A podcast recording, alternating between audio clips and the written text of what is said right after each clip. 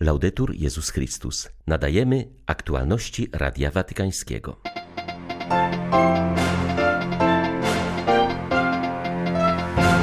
Papież wezwał, aby trwać w jedności z Ukrainą, która doświadcza okrutnych cierpień. Modlił się także przed ikoną Maryi za Białoruś i o pokój. W Rzymie zmarł kardynał George Pell. W wieku 77 lat trafił w Australii do więzienia pod zarzutem molestowania nieletnich. Pozostał w nim ponad rok, aż do jednomyślnego orzeczenia Sądu Najwyższego, który uznał jego niewinność. Caritas Polska już po raz czwarty organizuje akcję wsparcia dla Wenezuelczyków. W tym roku do uchodźców trafi prawie 6 tysięcy 23-kilowych paczek żywnościowych. 11 stycznia witają Państwa ksiądz Tomasz Matyka i ksiądz Krzysztof Ołdakowski. Zapraszamy na serwis informacyjny. Franciszek, podobnie jak wielokrotnie wcześniej, mówił dzisiaj o bolesnych doświadczeniach, jakie przeżywa naród ukraiński. Zaprosił też do modlitwy za Białoruś. Nie zapominajmy o udręczonej Ukrainie. Pamiętajmy zawsze w naszym sercu o tym narodzie, który doświadcza okrutnych cierpień. Bądźmy z nim naszymi myślami, bliskością oraz naszą modlitwą. A teraz przez kilka chwil zatrzymam się w ciszy przed ikoną znaną jako Matka Boża Ludu, czczoną na Białorusi, modląc się za ten drogi kraj i o pokój. Zapraszam Was do duchowego zjednoczenia się z tą moją modlitwą. Papież zachęcił pielgrzymów, aby wzrastali każdego dnia coraz bardziej w miłości do Jezusa, głosząc Ewangelię przede wszystkim świadectwem życia wobec innych. Do Polaków Ojciec Święty powiedział: Saluto cordialmente Polaki. Serdecznie pozdrawiam Polaków. W minionych dniach dziękowaliśmy Bogu za osobę, nauczanie i przykład papieża emeryta Benedykta XVI. Niech jego wiara pobudza was do duchowego wzrostu opartego na prawdzie Ewangelii i miłości braterskiej, świadczonej w rodzinie, w środowisku pracy i w życiu społecznym. Z serca wam błogosławię. Misja jest tlenem życia chrześcijańskiego. Ożywia je i oczyszcza. Kiedy życie chrześcijańskie traci z oczu perspektywę przepowiadania, popada w chorobę i stagnację, powiedział papież podczas audiencji ogólnej. Franciszek rozpoczął dzisiaj nowy cykl katechez poświęcony pasji ewangelizacyjnej, czyli gorliwości apostolskiej. Zwrócił uwagę, że wspólnota uczniów Jezusa istnieje po to, aby wychodzić na zewnątrz, promieniować Jego światłem aż po krańce ziemi. Punktem wyjścia dzisiejszego rozważania Ojca Świętego był ewangeliczny opis powołania celnika Mateusza. Pomimo tego, że uważano go w społeczności za kolaboranta i zdrajcę narodu, Jezus spojrzał na niego z miłosierdziem i upodobaniem, ponieważ Bóg widzi człowieka nie tylko takim, jakim jest, ale jakim może się stać. To właśnie spojrzenie pełne miłości budzi pasję ewangelizacyjną. Jezus powiedział do Mateusza: Pójdź za mną, a on wstał i poszedł za nim. Zauważmy, że tekst podkreśla, iż wstał. Dlaczego ten szczegół jest taki ważny? Bo w tamtych czasach ten, kto siedział, miał władzę nad innymi stojącymi przed nim, aby go słuchać, lub jak w tym przypadku płacić podatek. Jednym zdaniem, ten, kto siedział, miał władzę. Pierwszą rzeczą, jaką czyni Jezus, jest oderwanie Mateusza od władzy, od siedzenia, aby przyjmować innych. Wprawia go w ruch ku innym. Już nie przyjmuje, nie, teraz idzie do innych. Każe mu porzucić stanowisko dominacji, aby postawić go na równi z braćmi i otworzyć przed nim perspektywę służby. Tak czyni Chrystus i ma to znaczenie fundamentalne dla chrześcijan.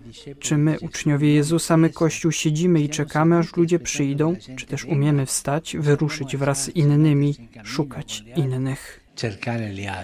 Ojciec Święty zaznaczył, że Mateusz poszedł za nauczycielem, który udał się do jego domu, gdzie powołany celnik przygotował dla niego wielkie przyjęcie. To pokazuje, że Mateusz wraca do swojego środowiska, ale wraca tam odmieniony i razem z Jezusem. Jego gorliwość apostolska nie zaczyna się w jakimś idealnym miejscu, ale tam, gdzie żyje i z ludźmi, których zna. Franciszek zwrócił uwagę, że w tym znajduje się ważne przesłanie dla każdego z nas. Aby świadczyć o Jezusie, nie musimy czekać, aż będziemy doskonali i przejdziemy długą drogę za Jezusem. Nasze przepowiadanie zaczyna się dzisiaj, tam gdzie żyjemy. I nie zaczyna się od próby przekonania innych, ale od codziennego świadczenia o pięknie miłości, która na nas spojrzała i nas podniosła. I właśnie to piękno, komunikowanie tego piękna przekona ludzi, nie przez komunikowanie nas, ale samego Pana. Jesteśmy tymi, którzy głoszą Pana. Nie głosimy siebie, ani nie prowadzimy agitacji politycznej, nie promujemy ideologii. Nie. Ogłaszamy Jezusa. Powinniśmy stawiać Jezusa w kontakcie z ludźmi, bez przekonywania ich. Pozostawmy Panu, aby ich przekonywał. To pociągające i radosne świadectwo jest celem, do którego prowadzi nas Jezus swoim miłującym spojrzeniem i ruchem wyjścia, jaki Jego duch wzbudza w naszych sercach. Możemy pomyśleć, czy nasze spojrzenie podobne jest do spojrzenia Jezusa, aby przyciągać ludzi, aby zbliżyć ich do Kościoła. W wieku 81 lat zmarł w Rzymie kardynał George Pell. To jemu Franciszek powierzył w 2014 roku reformę watykańskich finansów. W wieku 77 lat trafił do więzienia pod zarzutem molestowania nieletnich. Pozostał w nim przez ponad 400 dni, aż do jednomyślnego orzeczenia Sądu Najwyższego, który uznał jego niewinność. To wielki człowiek, dużo mu zawdzięczamy, powiedział o nim niedawno Ojciec Święty. Franciszek na początku swego pontyfikatu mianował go członkiem Rady Kardynałów, która miała pomagać papieżowi w reformie kurii rzymskiej. Rok później ustanowił go prefektem sekretariatu do spraw ekonomii. Kiedy z okazji 80. urodzin gościł w Radiu Watykańskim, przyznał, że czasami nie rozumiał, co robi opatrzność, ale zawsze wierzył, że Bóg jest obecny we wszystkich tych wydarzeniach. Podkreślił, że to właśnie wiara pomogła mu przetrwać ciężki czas uwięzienia. Moja wiara i modlitwa miały wpływ na moje przeżywanie uwięzienia. To kompletnie zmienia położenie więźnia. Często to dziś powtarzam, że mój pobyt w więzieniu był sprawdzianem dla wiary chrześcijańskiej. Okazało się, jak ona sprawdza się w praktyce. Ja jestem tego żywym przykładem, że to, czego uczy Kościół o modlitwie, łasce, cierpieniu, rzeczywiście funkcjonuje. Zwłaszcza fakt, że możemy wykorzystać nasze osobiste cierpienie dla jakiegoś dobra, jednocząc je z męką Chrystusa. Jako chrześcijanie wiemy, że dzięki Jego męce zostaliśmy odkupieni. O tak, ta świadomość znaczenia naszego cierpienia zmienia wszystko.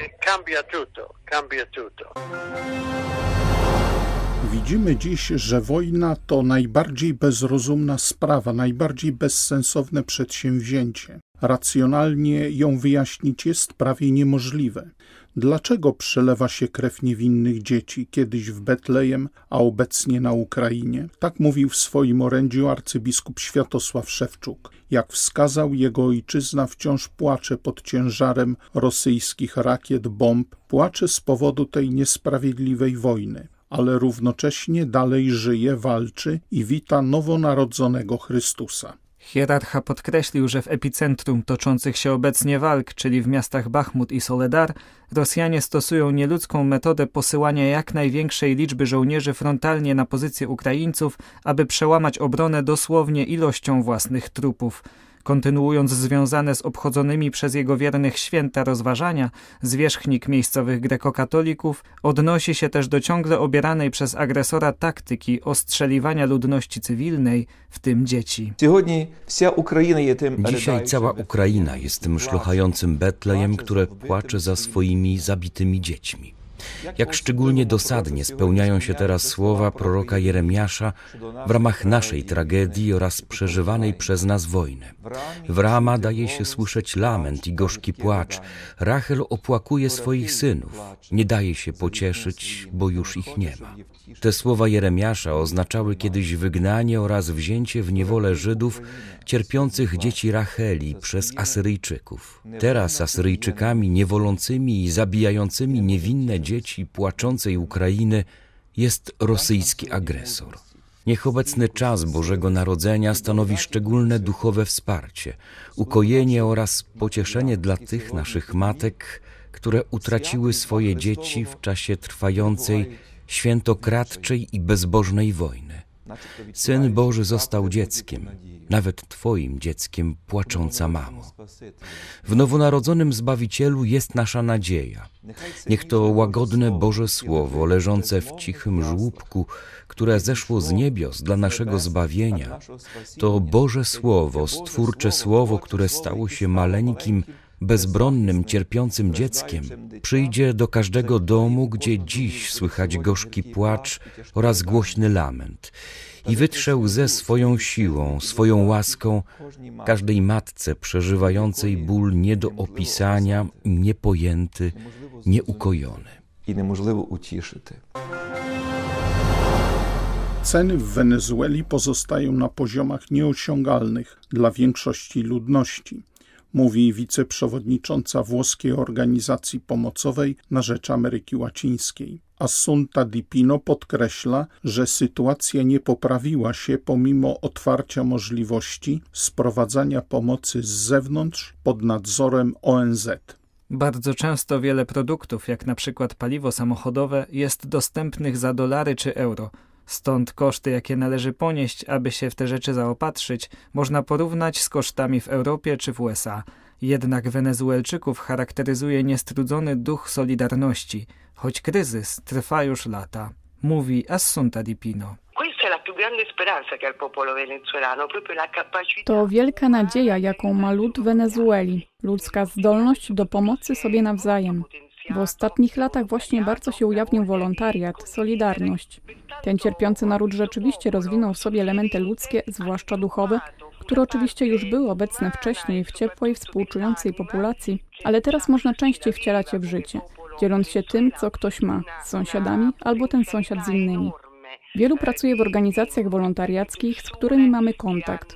Liczne instytucje w Wenezueli, np. Caritas, Potrzebują teraz wsparcia oraz materiałów, ponieważ miejscowi obywatele przychodzą tam nie tyle, żeby prosić o pomoc, ale by ofiarować swoją posługę, swój wysiłek.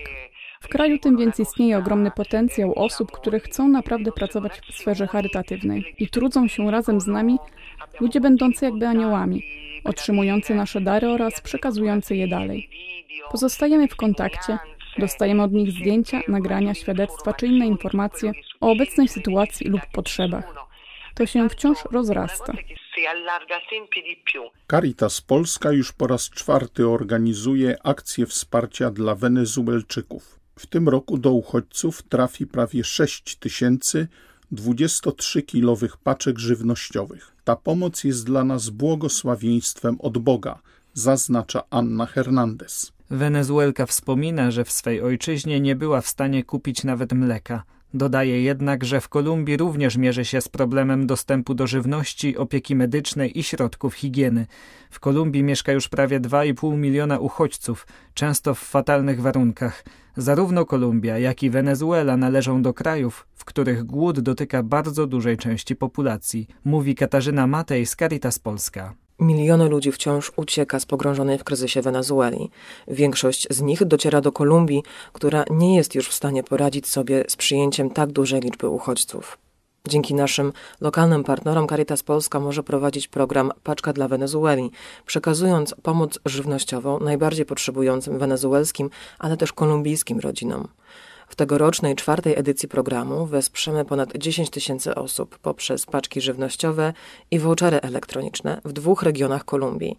W regionie Bogoty oraz na północy, w regionie Norte de Santander, blisko granicy z Wenezuelą. Naszymi partnerami programowymi są Caritas Columbia i firma Geronimo Martins Columbia, a łączna wartość pomocy to 400 tysięcy euro. Były to aktualności Radia Watykańskiego. Laudetur Jezus Chrystus.